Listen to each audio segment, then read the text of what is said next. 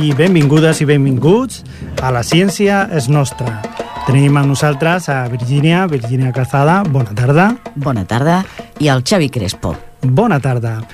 Uh, per què diem, Virgínia, que la ciència és nostra? És teva, és meva només, o de qui és la ciència? És de tots. La ciència és de tota la societat. És de tots nosaltres. La ciència està tot arreu. Des de les ulleres que portem, tots dos, anem amb ulleres. Correcte. A la festa major, els focs artificials, els aliments que mengem, tot té una ciència darrere. O sigui que no és cosa d'una gent molt estranya fent coses molt rares allà ben lluny, sinó que la tenim a tocar, la tenim dia a dia. I per això mm, ens l'hem de fer nostra, una miqueta. Eh, hem d'entendre de què va. I també per poder destriar eh, quan ens arriba alguna informació, les coses que són veritat o les coses que són mentida, perquè també això és, és un món, no? Ens bombardegen amb, amb afirmacions de tota mena de, jo què sé, eh, dietes meravelloses i putingues eh, que curen el càncer i jo què sé, no? I és important saber eh, destriar. Llavors, la nostra feina és donar a la gent eines perquè tinguin un criteri científic. Això mateix. Però, a més d'això, que quedi clar que això no són classes. I no, no serà no. avorrit, eh? No, que no, ningú no s'espanti. Que farem un programa amb notícies, amb algun tema important de debat, recomanem llibres, música, pel·lícules que tinguin relació amb la ciència i després també tindrem un apartat eh, dedicat a famílies amb nens per fer a casa algun experiment molt senzillet, sense cap risc, no patiu, perquè també els nens agafin el, el gustet de... Ah, caram, això de la ciència és, és divertit i això és, és important. Molt bé. Doncs comencem. Comencem amb un parell de notícies d'ara mateix. La primera és l'emergència climàtica en el Vallès Occidental. Us faig una mica de resum. El 16 de setembre, o sigui, fa un mes, el Consell d'Alcaldies del Vallès Occidental va declarar l'emergència climàtica a la comarca i va acordar iniciar la redacció d'un pla supramunicipal per a la millora de la qualitat de l'aire. El dia 24, al cap d'una setmana, aquí al ple municipal de Ripollet s'ha aprovat una moció declarant l'emergència climàtica a Ripollet. Després, el dia 27, es van fer les vagues per l'emergència climàtica a tot arreu, aquí també en vam tenir, eh, per part de molts col·legis, per exemple, els alumnes de l'Escola Institut Pinetons, que es van reunir al pati per llegir un manifest, i després d'aquí uns dies, el 24 i 25 d'octubre, tindrem a Sabadell el primer congrés de la qualitat de l'aire. N'hi haurà més de 70 ponents de tot arreu, nacionals i internacionals, i participaran en 24 sessions de treball per analitzar diferents aspectes, com per exemple la salut, les emissions, mobilitat, urbanisme, sensibilització, fiscalitat, entre altres coses. Molt bé, Virginia, està molt bé aquest tema, un tema que parlarem una miqueta més endavant perquè serà la peça clau del nostre debat que en parlarem una miqueta més endavant. Eh, tens alguna altra notícia? Doncs sí, tenim una altra per ara també, eh, una mica més enllà, del 8 al 17 de novembre eh, se celebrarà a Catalunya la 24a Setmana de la Ciència. Això és una de les coses eh, de divulgació científica més importants que es fan a tota Europa. Eh, se celebren un munt d'activitats, eh, jornades de portes obertes, exposicions, xerrades, jocs, tallers científics, n'hi ha de tot. I aquesta vegada, aquest any, els temes centrals són, d'una banda, la taula periòdica, perquè estem celebrant l'any internacional de la taula periòdica dels elements químics, i d'altra, diferents persones que han estat referents als seus camps de coneixement. Per exemple, el Ramon Margalef, ecòleg, de qui es commemora el centenari del seu naixement, Narcís Montoriol, l'enginyer inventor, també amb motiu del bicentenari del seu naixement, i la Margaret Hamilton, que va treballar al programa espacial Apollo. I per últim, el Leonardo da Vinci, amb commemoració dels 500 anys de la seva mort. De tot això trobareu els programes i els enllaços corresponents a la nostra pàgina de Facebook. Apunteu, no us en oblideu, Facebook, la ciència és nostra. Ripollet Ràdio. Virgínia, M'anim, posem una miqueta de música? posem una mica de música. Música científica? Mm, a veure, a veure què surt. Here we are, born to be kings.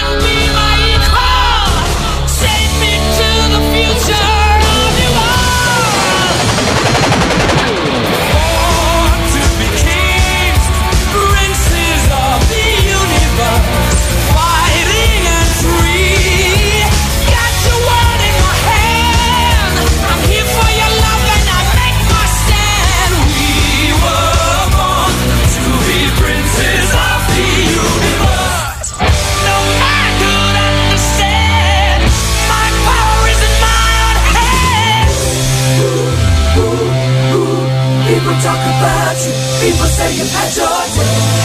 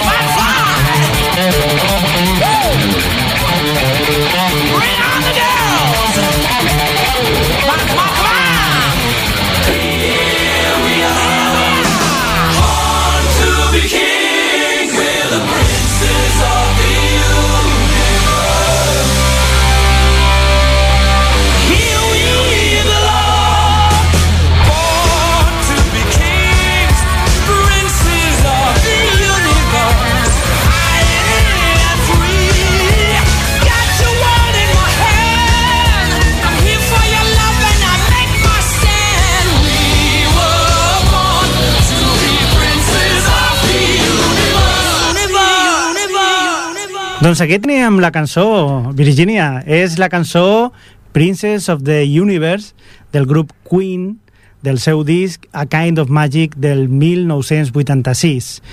I per què hem posat aquesta cançó? perquè l'ha posat pel Brian May, pel guitarrista, que el coneixereu gairebé tothom, però el que potser no sabreu és que és doctor en astrofísica. Ni més de- ni menys. D'això que sigui la, la, la cançó más Princess of the Universe, un príncep molt bo seria aquest Brian May, oi? Sí, sí, sí.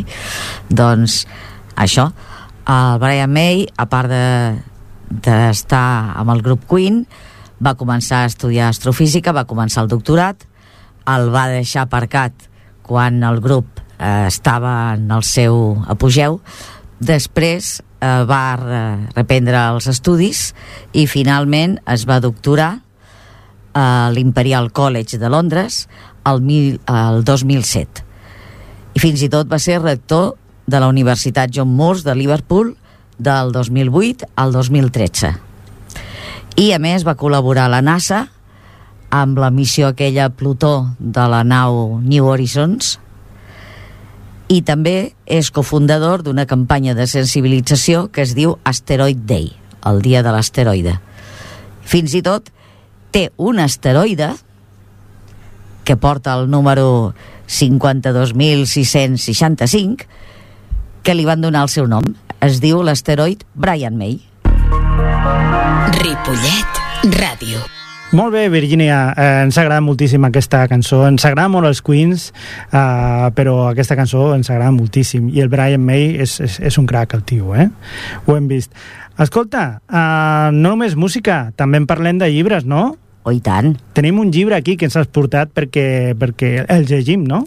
Mira, tenim un llibre per portar tranquil·lament a la butxaca i per poder llegir on sigui a l'autobús, al metro, mm, vaja, és molt fàcil, molt senzill, és del l'Isaac Asimov, que suposo que tothom el coneixereu, però per si queda algun despistat, l'Asimov va néixer a la Unió Soviètica el 1920, quan tenia 3 anys va emigrar als Estats Units amb la seva família i va fer allà tota la vida, va morir el 1992 a Nova York i eh, era doctor en ciències químiques. Va estar fent classes de bioquímica a la Facultat de Medicina de la, facu de la Universitat de Boston i, a part de tot això, de, de les classes i tot això, era un ratolí de biblioteca i li agradaven tots els temes, és que pràcticament tot. I va escriure més de 500 llibres sobre tots els temes que vulgueu, de ciència-ficció, moltíssims, molt coneguts, de divulgació científica, de química, de bioquímica, de matemàtiques, de psicologia, d'història, de, de, de tot, pràcticament de tot. El que us porto avui es diu Momentos estelares de la ciència, no sé si també estarà editat en, en català, i jo l'he trobat en castellà, de Editorial, del 1980, que ho podeu trobar més a la biblioteca de Ripollet, i la gràcia que té és que són capítols molt curtets. Cada capítol ens parla d'un personatge que ha estat important i són dues, tres pàgines. Mira, per exemple, comença amb l'Arquímedes, després parla de Gutenberg, Copèrnico, William Harvey, i va seguint fins a l'Einstein, Rutherford... Bé, doncs repassa gairebé tota la, la història de la ciència i és molt fàcil de llegir. Eh, gens per especialistes, és a l'abast de tothom. Gran divulgador, el, el Enorme. l'Isaac Asimov.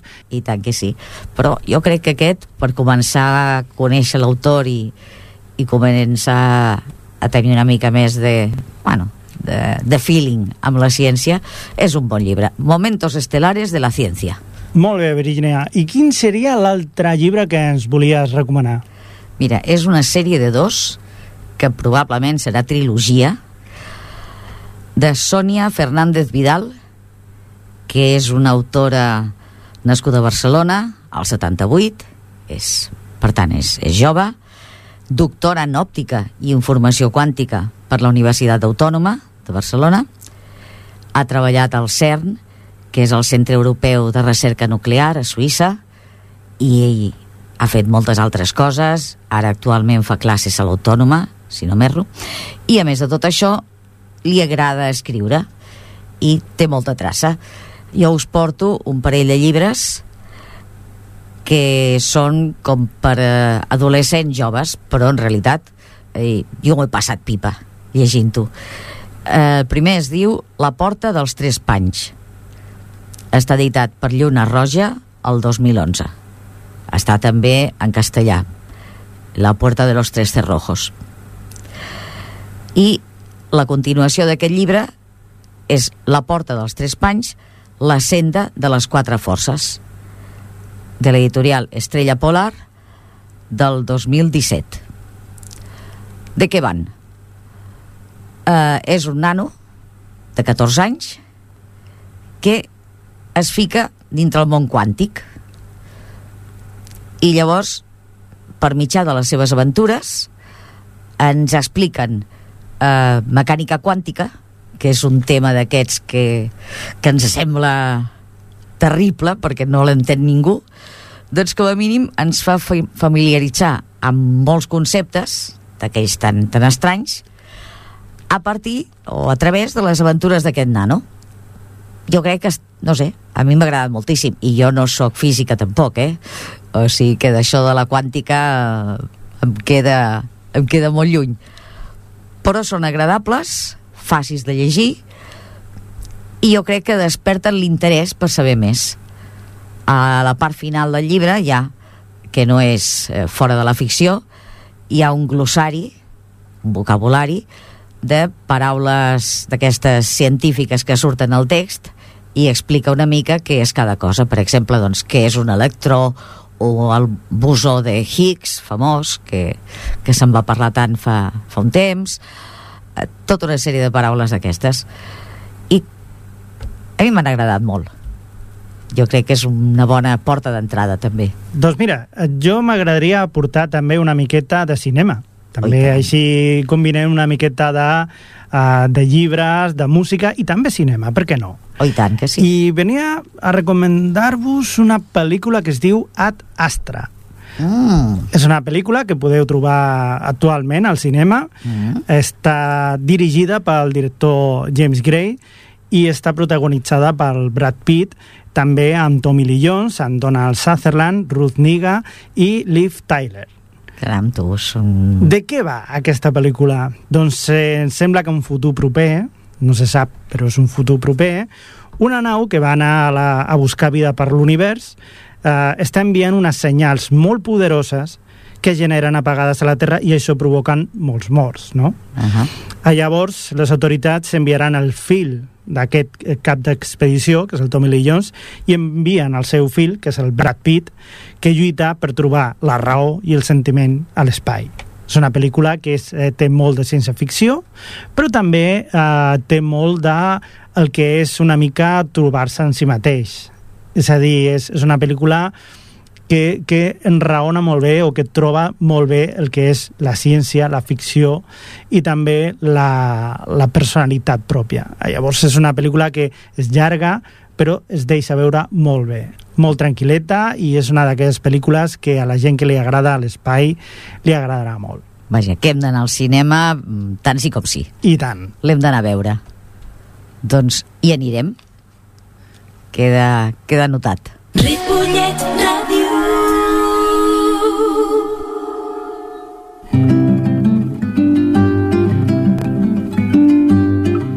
El 1988, a partir de dos grans organitzacions, la del Mundial Meteorològica i el Programa de Medi Ambient de les Nacions Unides, es va crear el Grup Intergovernamental d'Experts sobre el Canvi Climàtic, és el que es diu l'IPCC.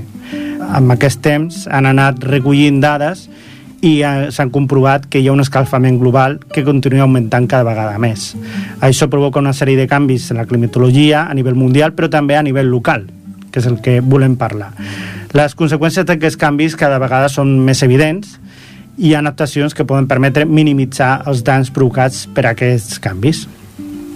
Avui parlem en clau local de les conseqüències del canvi climàtic i com Ripollet pot respondre a un dels perills que comporta. Parlem d'un bel conegut de Ripollet, les riuades.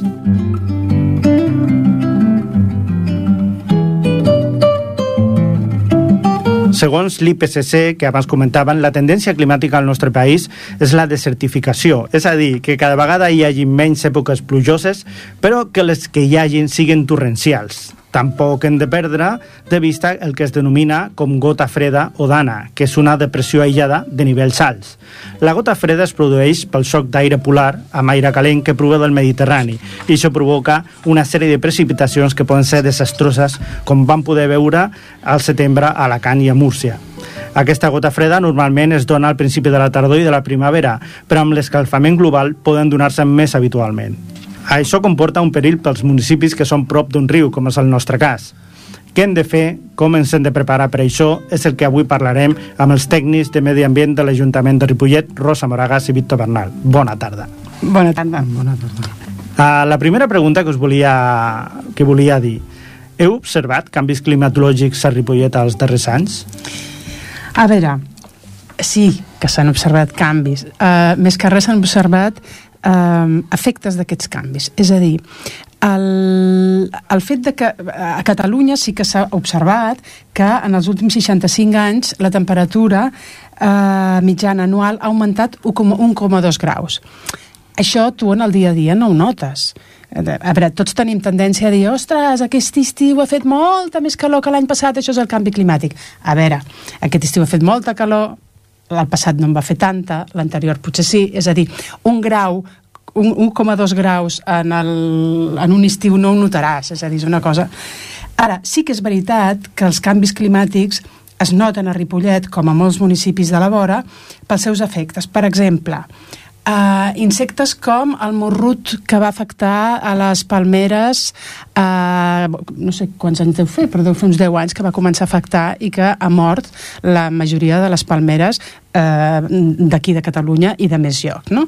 Aquest insecte es va poder eh, implantar aquí perquè les condicions climàtiques eren les adequades quan ve un insecte de fora no hi ha el depredador que se'l menja preparat i llavors les destrosses que pot fer són immenses. Això ens ha passat a Ripollet, com altres llocs, com he dit. Després tenim també la implantació de la vespa velutina, aquesta vespa eh, depredadora que comentàvem avui, mm. no? que em deies que, que al Baix Camp ha sortit un, ha aparegut un, un ocell que se la, la comença a depredar, això està molt bé, vol dir que, bueno, que, ja, que ja hi és, però mentre no apareguin, aquesta vespa ens pot fer, ens pot fer molt de mal. Aquí a Ripollet hem detectat uh, un niu ja, que estat tractat i ja cap problema, però bueno, uh, tenim, existeix. Uh, una, altra, una altra cosa que aquí a Ripollet ens ha afectat moltíssim ha sigut l'escarabat barrinador de les moreres. Aquest insecte l'hem detectat deu fer dos anys i mig i és terrible perquè, perquè eh, bueno, afecta les moreres de manera que afecta el seu interior, es posa a dintre, fa galeries i tu veus un arbre que està perfectament normal, està verd, estupendo, i de cop una branca gran cau. Altres, altres animals ja no tan petits són les cotorres. Les cotorres també ens han envaït i, eh, i a més estan desplaçant a les aus eh, autòctones i això doncs, també, és, també és perillós. Aquests serien una mica els canvis climatològics que hem pogut veure. Mm? Pel que fa eh, a les precipitacions, a les pluges, eh, clar, estem en una zona mediterrània. El Mediterrani es caracteritza, el clima mediterrani es caracteritza per, eh, per, per, per pluges torrencials. Vull dir, ara les tenim molt més grans, evidentment, les gotes fredes, la dana, aquesta, mm -hmm. això, mm, això és extraordinari, però grans avingudes, eh, sequera a l'estiu, absència de primavera i tardor, això són característiques del nostre clima. És a dir, que, que bueno, que, que, que en- evidentment notarem aquestes, aquest canvi climàtic també en climes, en el clima i en, la, i en, la, i en les riuades i tot això, però ja hi estem bastant acostumats. Igualment, en aquestes riuades, eh, és a dir, en aquestes pluges torrencials, eh, heu mirat si, si ha augmentat el, el nivell, el cabal del riu? No. A veure, el cabal del riu, com et deia, hi ha moltes vegades... O sigui, al ser un riu mediterrani, és més una torrentera que un riu, quasi bé, i llavors a l'estiu pràcticament no baixa i en les èpoques de pluges mm, baixa més, com és a la primavera i a la tardor. A veure, històric, històricament, des dels anys... Eh, en els 90, 91, 92 van començar a aparèixer les depuradores. Les depuradores han fet augmentar el, el cabal del riu perquè era, les aigües eh, brutes de les clavegueres abans anaven directament al mar actualment, des dels anys 90, 92-93, les aigües brutes van a parar a les depuradores on són eh, depurades i es tornen a abocar al riu. Per tant, això sí que ha fet que el riu es vegi amb més, amb més cabal. Però però vaja, notar que a causa d'aquestes pluges torrencials ho notarem puntualment, però no hab- habitualment. En el cas de Gota Freda, que estàvem parlant abans, eh, hi ha perill de riuada que hi hagi? O és una cosa que es pot estimar, que, eh, que es pot predir que pugui passar? A veure, hi ha estudis, eh, l'Agència Catalana de l'Aigua té estudis de l'impacte de riuades. Sí, evidentment, hi ha estudis que et diu eh, que, que, el, que el riu pot eh, sobresortir en alguns moments. Realment, l'any 94 el riu va estar a un metre de, de sobrepassar les motes que endeguen el riu i llavors bueno, s'activa el pla d'emergència el pla d'emergència en aquell moment doncs, eh, establia tallar determinats carrers i, i, com se diu, desallotjar les escoles, eh, l'institut, les escoles, la policia, etc. És a dir, el pla nostre, eh, totes aquestes coses ja les preveu. Però no es pot dir exactament No es pot quan dir passi, No ni que es pot sigui al- a l'estiu, no es pot ni dir. res. No, no, es pot dir. saber. No es pot saber. És un perill que tenim a sobre que no sabem quan pot passar, però pot Aquí està. passar. A veure, tenim el riu endegat, que mm, eh, des del punt de vista ambiental, des del punt de vista ecològic, no és adequat, perquè seria molt millor tenir un riu sense eh, les estructures aquestes de formigó i que ell naturalment hagués, eh, eh, tingués per ell mateix doncs, tota la quantitat de terreny que necessària i, i bueno, està endegat. Aquest en- endegament ens protegeix una mica, però en cas d'una riuada molt gran, no, clar, el que passa que no, no sabem ni quan, ni com, ni de quina manera. En aquest sentit, s'estan realitzant una sèrie d'actuacions que, com són la retirada de, dels sorts i de les canyes. Eh, aquesta seria una manera de, de minimitzar els possibles danys futurs? I per què és important, no? A veure, treure la canya i els horts del riu és molt important eh, des de molts punts de vista. És a dir, eh, ecològicament, i des del punt de, eh, o sigui, ecològicament és molt bo intentar que el riu eh, es renaturalitzi, és a dir, s'implantin les espècies que són autòctones dels rius mediterranis. Per què? Doncs perquè el, la canya americana, en aquest cas, per exemple, que, ha estat, eh, que envaeix tota la, la llera del riu, sí que és veritat que eh, amb una riuada més o menys gran es trenca i pot eh, provocar embussos en, el, en alguns ponts o així. Ah, i, en contrapartida, la canya natural, la canya autòctona d'aquí, no es trenca, es tomba i llavors no provoca aquest problema. Però no, no només, es, en aquest cas, no només s'està fent això per, en cas de riuada, sinó per recuperar el riu eh, de la manera més natural possible.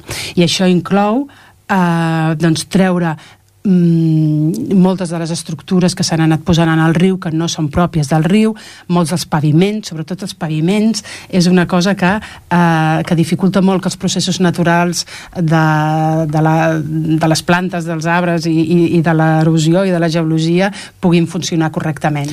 què és el paviment? Quan dius paviment, que, a què et refereix? Mira, paviment és quan, per mi, eh? eh? Paviment pot ser moltes coses, però quan jo dic que un paviment és dolent és un paviment impermeable, com pot ser una solera de formigó o com pot ser un plàstic, no? Uh -huh. O com pot ser un... Bueno, tantes altres coses que, que facin que el terreny s'impermeabilitzi. D'acord. Això impedeix que l'aigua penetri a la superfície de la Terra que, que, que enriqueixi les capes freàtiques i que faci el cicle que ha de fer. És a dir, el problema de moltes ciutats, per exemple, que es pavimenta tot amb paviments impermeables, què fa? Fa que les, les aigües no penetrin al terreny, per tant, deixen d'enriquir-lo, llavors eh, es, fa, es creïn eh, llàmines d'aigua de molta, eh, de, molta, de molta quantitat i llavors això crea escorrenties, crea, pot arribar a crear inundacions, etc etc. Aquesta neteja de la llera del riu no és fàcil, oi? Eh, No. És una cosa que d'aquí... El problema potser, perquè ja es porta molts anys parlant de tot això, del que si es neteja, com es neteja... De qui depèn tot això? Perquè mm, pel que jo crec, eh, pel que m'han dit, no és gens fàcil això, no? No, no és gens fàcil. A veure, l'Agència Catalana de l'Aigua, que és la Generalitat de Catalunya, jo entenc que tindria, eh, que té l'obligació de mantenir les lleres netes i en perfectes condicions. Amb això estem sempre discutint amb ells. Clar, ells no tenen diners i llavors busquen eh, maneres de, de, de treure's aquesta responsabilitat. I llavors hem estat discutint moltes vegades amb ells, hem, realment hem, estat, hem tingut reunions bastant violentes eh, en, en aquest sentit. I ells arribaven a dir, bueno, és que com que el part del riu passa per zones urbanes, llavors us toca a vosaltres. I nosaltres diem, home, perdona, però aquest riu no passa per zones urbanes perquè el terreny no és urbà, etc etc. Al final, què ha fet l'Ajuntament de Ripollet? De dir, bueno, escolteu, ens és igual, intentem buscar diners on sigui i ens posem a fer la feina. Llavors, eh, l'Ajuntament ha estat tocant portes a totes les administracions que poden tenir recursos per això. No? Han estat Diputació, ha estat Àrea Metropolitana, el Consorci del Besòs Tordera i eh, nosaltres hem estat bueno, contactant amb ells, demanant a veure quants diners ens podeu donar, a veure si els altres ens poden fer el projecte, a veure, anant rascant de tot arreu. Uh -huh. Llavors, clar, per moure qualsevol d'aquests projectes ens hem hagut de posar en, en d'acord totes les administracions i això ha estat molt complicat clar. perquè a l'aparell administratiu és molt complexa i si a sobre ens hem d'entendre amb, amb les altres administracions doncs és molt difícil però hem de dir que ens estan ajudant moltíssim amb molts diners, molts recursos i amb, i amb molta il·lusió perquè la cosa, perquè els projectes surtin endavant i, i surtin bé. No només amb aquestes administracions, sinó que les actuacions també s'han de coordinar tant amb Barberà com amb Montcada, no? Per sí. què? Sí. Bueno, perquè el riu és una unitat. Clar, el riu des de la seva capçalera fins al Besòs més, fins i tot més, eh, més, eh, més, més conjuntament hauríem de treballar. Eh? I treballem, però hauríem de fer molt més. Perquè, clar, a veure, el, nosaltres netegem canya, per exemple, en aquest cas, no? que és la, la icona. Eh, si nosaltres ho netegem tot bé, però Barberà no fa la seva feina, dic, dic Barberà o el municipi de més enllà no fa la seva feina, i una llavor o un tros de, ri- de rizoma entra a casa nostra, clar, la feina que hem fet potser se'n va en orris, no? Mm. I, i, bueno, I en aquest cas també nosaltres hem estat potser eh, eh, afectant negativament els treballs fets per Montcada o per Santa Coloma. Per què ha sigut això? Perquè eh, heu parat una miqueta tota, sa, tota aquesta feina. Per què ha sigut? Sí, mira, vam començar... Perquè aquestes feines s'han de fer en períodes que no hi hagi ni, ni, ni nius ni activitat, la mi, menor activitat possible d'animals per no interferir en els seus cicles. Llavors vam començar abans de primavera, primavera vam aturar, Uh, evidentment en contacte amb Generalitat que ens va dir exactament en quins moments uh, podíem actuar o no podíem actuar llavors a l'agost vam deixar estar perquè estàvem de vacances i al setembre ens hi hem tornat, bueno, setembre, octubre, sí, setembre ens hi hem tornat a posar. I, i bueno, també ens hi posem ara, que és l'època adequada, però amb una amenaça de dir, bueno, és que si plou, que es- desgraciadament aquest any no ho està fent, però si plou o hi ha alguna riuada, per petita que sigui, haurem d'aturar. Però, és clar, és que és, una, és un projecte molt complicat, són obres molt difícils de fer perquè estem sempre a l'expectativa del temps, de l'aigua, del, de les aus, dels animals, absolutament de tot. clar. Per això eh, eh, engeguem i, i aturem les obres. Uh -huh. eh, té una dificultat aquesta canya que estàveu parlant abans del rizoma. És a Sí. dir, utilitzeu màquines excavadores per què? Sí, el rizoma va mm, no, mig o un metre, a un metre de, sí, potser un metre de profunditat, o potser no tant, però vaja. Uh, per tant, si tu talles la, la, la canya però deixes l'arrel, diguem-ne, a, a dintre, no serveix absolutament de res. Els dos mesos pots tenir una altra vegada unes canyes d'un metre d'alçada. Uh -huh. Per tant, l'extracció ha de ser molt curosa i ha de ser en profunditat. I això dificulta també la Clar, feina, clar. clar. I encareix, sobretot. Uh, una vegada estigui ja, a llavors, eh, la llera ja estigui més o més neta i... Qui- Quin serà el següent pas que donarà al municipi? Bon, falta molt, eh? Falta, això. encara falta, encara falta i poden Sí, passar sí, moltes sí. coses, Sí, però sí, sí. en principi si tot és, està Sí. net i, i, i s'ha recuperat una altra vegada, quin serà el següent pas que es donarà? A veure, mm, parlem-ne. Aquí ara nosaltres intentem mm, posar les bases, posar les condicions perquè la, perquè la natura faci la seva feina, és a dir, perquè les plantes i perquè els animals i tots plegats vagin formant un ecosistema que mai serà el mateix ecosistema que haguéssim tingut si no haguéssim intervingut mai eh, a la llera. El riu Ripoll mai, a Ripollet mai serà un riu 100% naturalitzat, és a dir, sempre tindrà l'afectació de la, la ciutat que té al costat, de les persones i de totes les infraestructures que tenim voltant el riu Ripoll que han fet el possible, hem fet entre tots, que el riu Ripoll quedi totalment encaixonat i que haguem perdut totalment la connectivitat que es diu transversal del riu. És a dir, hem fet el possible per viure d'esquenes al riu, és a dir, hem anat posant traves constantment per aïllar-nos no? del, del, del riu de la por, una mica. I, I això serà molt complicat, clar, l'autopista no la podrem treure, l'avinguda del riu Ripoll tampoc. Uh -huh. Per tant, el riu Ripoll intentarà per ell mateix naturalitzar-se el més possible, però mai serà uh, com seria si no haguéssim, si no haguéssim intervingut. Aviam, jo voldria parlar de la cosa aquesta de l'emergència climàtica perquè és també notícia superactual. Uh, emergència climàtica al Vallès Occidental, proclamació aquí a l'Ajuntament, mm, va sobretot de l'aire, de la qualitat Sí. de l'aire, pel que, Sí, pel que a he veure, vist. uh, Ripollet està afectat des de fa anys per la contaminació per partícules. Mm? A veure, les partícules poden ser, per exemple, en el Baix Llobregat tenen moltes partícules a causa de fàbriques que deixen anar. Nosaltres, el- la importància més gran són partícules derivades dels pneumàtics dels cotxes que, mm, que per arrossament les deixen anar, però bàsicament per CO2. CO2. Vale?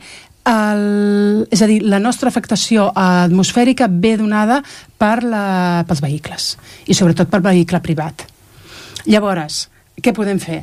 Bueno, doncs per començar, polítiques que promocionin el transport públic, evitar des desplaçaments innecessaris, intentar anar a peu a tot arreu, és a O dir, en bicicleta. o en bicicleta. Però aquí mateix a Ripollet tenim un municipi que fa uns dos quilòmetres de punta a punta i agafem el cotxe És per petit. llocs. És que és una barbaritat. Sí, sí. Uh, a banda d'intentar reduir el, la mobilitat amb, amb vehicles uh, tradicionals, és a dir, amb, amb combustió, uh, una cosa molt important que jo sempre insisteixo és la necessitat de que hi hagin arbres grans dintre de la nostra ciutat. És a dir, els arbres ens eh, protegeixen de moltes coses, però entre elles de la contaminació. Per absorbir el CO2. Primer aquesta i després les fulles dels arbres de fulla caduca, per exemple, retenen pols i partícules emeses pels vehicles en aquest cas, les retenen, impedeixen que entrin a les nostres vivendes i quan la fulla cau s'escombra i ens emportem les partícules. És a dir, la necessitat de tenir arbres vells a la ciutat és molt important per la nostra salut respiratòria. A banda d'això, sabem que els arbres fan de, um, de tampons de la, de la temperatura, és a dir, ens protegeixen de li, amb, la, amb la seva ombra, ens rebaixen la temperatura de les vivendes a l'estiu. Eh, és una estupidesa, tothom ho sap, però després no ens en recordem mm -hmm. i ens passem la vida demanant, per favor, eh, talli'm la branca que no m'agrada perquè no hi veig, tanqui... Eh, ens hem de ficar al cap que tenir arbres grans i vells a la ciutat és una cosa molt important per a la nostra salut i pel nostre benestar. Sí, Sí, no, era comentar una cosa. Um, aquí, probablement aquesta, aquesta tardor farem una jornada per en- mostrar les obres que s'estan fent al riu i les neteges que estan- que s'estan fent. Llavors, probablement es farà una jornada amb l'empresa que ens va fer el projecte, que és Naturalea, i que és una de les pioneres amb tot el que, fe- eh, amb tot el que fa a la renaturalització dels rius i la bioenginyeria, és a dir, totes les coses que s'hagin de fer al riu, totes les petites obres es faran amb plantes. Eh? De moment es posaran uns troncs amb terra i tal, llavors les arrels seran les que faran la feina. Llavors, molt probablement, ho estem tancant ara, podrem fer una jornada amb els veïns del poble i les veïnes que vulguin participar i podran... Això està molt bé. Sí, i, po i podrem i ho dic així en primera persona també perquè no ho he fet mai um, crear alguna d'aquestes estructures o, o ajudar a crear-la Ah, doncs eh, Està, està molt bé. anirem, Sí. no? I tant, jo m'apunto, home, i tant que sí. sí, sí. Bueno, és una Sí, manera sí. sí. d'apropar el riu a la població i de, i de fer-los partíceps amb això, no? Molt bé, molt bé. Creiem que és important. Doncs eh, moltes gràcies, Rosa. Gràcies a vosaltres. Moltes gràcies, Víctor, Gràcies. per haver vingut i ha sigut un plaer i és fins al proper programa o quan ens tornem a veure. Molt bé, moltes gràcies. Fins Gràcies. sempre. Gràcies. Gràcies. Ripollet Parlem ara dels Premis Nobel d'aquest any, 2019. Premi Nobel de Química s'ha concedit a John B. Goodenough, M. Stanley Whittingham i Akira Yoshino pel desenvolupament de bateries d'ions de liti. Aquestes bateries tenen una llarga vida útil i es poden carregar centenars de vegades abans que el seu rendiment es deteriori. Avui dia són les que fem servir en mòbils, ordinadors portàtils, tot això. A més, eh, també han permès el desenvolupament de cotxes elèctrics de gran autonomia i també permeten l'emmagatzematge d'energia procedent de fonts renovables, com ara l'energia solar i l'eòlica. Premi Nobel de Fisiologia o Medicina. Ha estat per William G. Kellin Jr., Sir Peter J. Radcliffe i Greg L. Semenza pels seus descobriments de com les cèl·lules senten i s'adapten a la disponibilitat d'oxigen. Aquests autors van revelar el mecanisme per un dels processos d'adaptació més essencials de la vida. Van establir les bases per entendre com els nivells d'oxigen afecten el metabolisme celular i la funció fisiològica. Els seus descobriments també han obert el camí cap a noves estratègies prometedores per combatre l'anèmia, el càncer i moltes altres malalties. El Premi Nobel de Física s'ha concedit per contribucions a la nostra comprensió de l'evolució de l'univers i el lloc de la Terra al cosmos, amb una meitat a James Peebles pel descobriments teòrics en cosmologia física i l'altra meitat conjuntament a Michael Mayor i Didier Queloz pel descobriment d'un exoplaneta orbitant una estrella de tipus solar. Tot això ha transformat les nostres idees sobre el cosmos. Els descobriments teòrics de James Peebles han contribuït a comprendre com va evolucionar l'univers després del Big Bang. Michel Mayor i Didier Queloz han explorat els nostres barris còsmics a la recerca de planetes desconeguts. Els seus descobriments han canviat per sempre les nostres concepcions del món. Ripollet Ràdio. Estem aquí al taller del Ripolab amb el Jorge Akira San que ens explica una mica de què va tot això. Bueno, pues aquí en Ripolab lo que hacemos básicamente, en general, es democratizar la tecnología. Es decir, que cualquier persona que no tenga ni idea de tecnología pueda venir aquí y aprender. Ese es un concepto básico. Entonces lo que hacemos es utilizar eh, como vía lo que es la cultura maker. Que la cultura maker básicamente es, eh, soy una persona curiosa, me gusta saber cómo funcionan las cosas y quiero aprender, pues manipulando la tecnología, a crear cosas nuevas. Vale. A ver, pero tecnología mm, de un determinado tipo, que tecnologías hay muchas. Por lo que veo yo aquí, que son ordenadores y cosas de esas, mm, Bueno, eh, sí, tecnologías hay muchas. Aquí tocamos varios palos. Está desde la electrónica digital, que puede ser como lo más complicado, eh, la impresión 3D, también hacemos cosas de, pues, de software, eh, trabajamos con Linux, eh, trabajamos con diferentes herramientas de diseño en 3D que nos permiten, pues eso, eh, al final la fabricación digital es, tengo una idea, necesito un software o un programa con el cual desarrollar esa idea digitalmente y luego una máquina que me lo construye. suena muy bien. A ver qué dice por aquí esta gente joven. Hola. A ver, ¿vosotras qué estáis haciendo? Vamos a ver. Pues- ¿Quién lo explica? Una casa de... Estamos haciendo con la Nintendo Switch, bueno, con la Nintendo Switch. Luego hay como No sé si lo pillará. bueno, está como un juego de con cartones que se llama la Nintendo Labo y estamos haciendo pues una casa para luego Que jugar, parece de Minecraft. para, para luego jugar con ella y con, bueno, con la Switch y la Labo. Muy bien. A ver quién más hay por aquí. Tú, nada, tú no. Tú, tú, tú no. Hola. ¿Y tú que tienes pinta de ser el papá? Uy, papá, no, a ver. No. Yo soy otro, otro de, de la asociación. Ah, pensaba que eras... No, no, pero bueno, Vale, soy papá vale. de una. Entonces, la, yo la, la- la- la idea, o por lo menos lo que intentamos eh, hoy y otros días, es aprender unos de los otros cosas de tecnología e intentar acercarlo a los, a los críos, a los padres, a la que haga falta. Yo soy, yo soy maestro, por ejemplo, y todo lo que aquí saco de, de mis compañeros y, de otra gente, etcétera, pues intento aplicarlo al colegio muchas veces, ¿no? Cosas de, por lo que están haciendo ahora ellas que han explicado muy bien, ¿no? Eh, coger algo, crearlo, ¿no? Montarlo antes de jugar y una vez que lo tienen montado, entonces juegan y después ven cómo funciona y a partir de ahí pues, pues les haces pensar, razonar y tal. Hoy mismo que hacemos lo del KiCat, que lo hace mi compañero, pues yo no tengo ni idea, pero, pero sé de qué va un poco la base y si puedo coger alguna pequeña pincelada que pueda hacer algo más sencillo, aunque no sea el mismo nivel que tiene él porque ya, ya domina, pues por lo menos poderlo utilizar o, o- o tener una, un poco de, de Pero esto va todo de,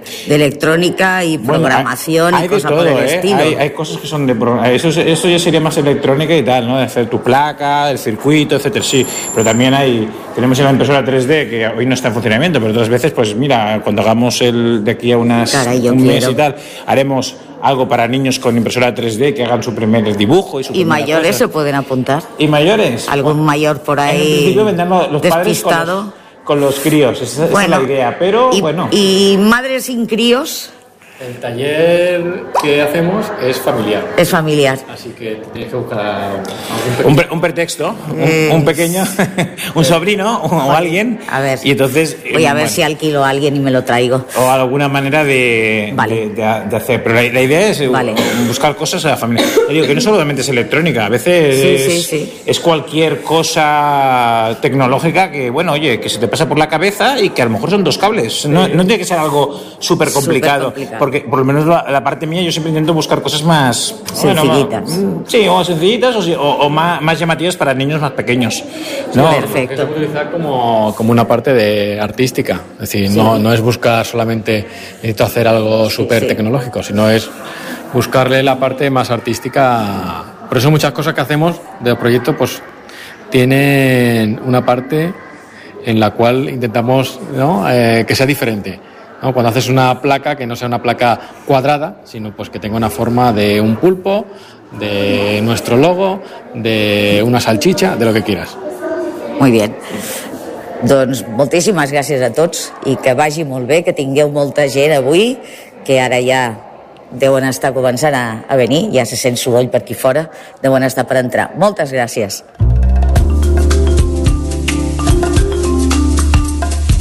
Anem per ara amb un experiment eh, per fer en família, amb nens petits, no patiu, que no hi ha cap perill. La cosa és molt senzilla. Pasta de blat de moro i aigua. Però té les seves peculiaritats. És un líquid que de vegades es comporta com un líquid i de vegades com un sòlid. Necessitem un bol o una safata, farina de blat de moro, maisena, aigua i una cullera. Posem unes quantes cullerades de farina de blat de moro al bol, afegim aigua a poc a poc i remenant. Veureu que arriba un punt que notareu que la barreja comença a comportar-se d'una manera diferent. Si barregem fort o li donem un cop, la massa és molt dura. Quan deixem de fer pressió, la massa es torna líquida de nou. Podem agafar pasta i fer una bola apretant amb les mans. Però si la deixem reposar sobre una superfície, aquesta bola es desfà com si fos líquida. Què passa aquí? Doncs mireu, la barreja aquesta és un fluid que es diu de tipus no newtonià. que vol dir que la seva viscositat no és constant, sinó que varia segons la pressió que s'hi aplica. Per què passa? Doncs perquè tenim una barreja de molècules grans de midó i molècules petits d'aigua entremig.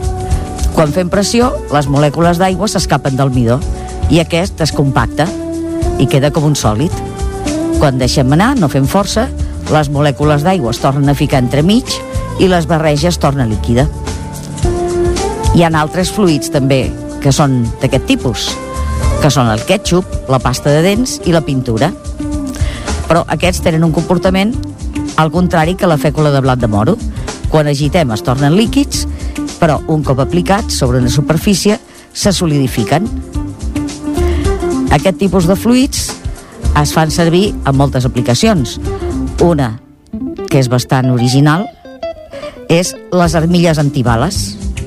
Quan reben l'impacte d'una bala a gran velocitat, es tornen sòlids i actuen com escuts. Però en condicions normals són flexibles. Tot això ens expliqueu com us ha anat, si ho heu fet amb, amb la canalla, i el proper dia us proposarem un altre experiment. Us recordem que tot això i moltes altres coses i material gràfic que per la ràdio, és clar no, no, es pot, no es pot emetre, ho trobareu a la nostra pàgina de Facebook facebook.com barra la ciència és nostra. Moltes gràcies i fins el mes vinent.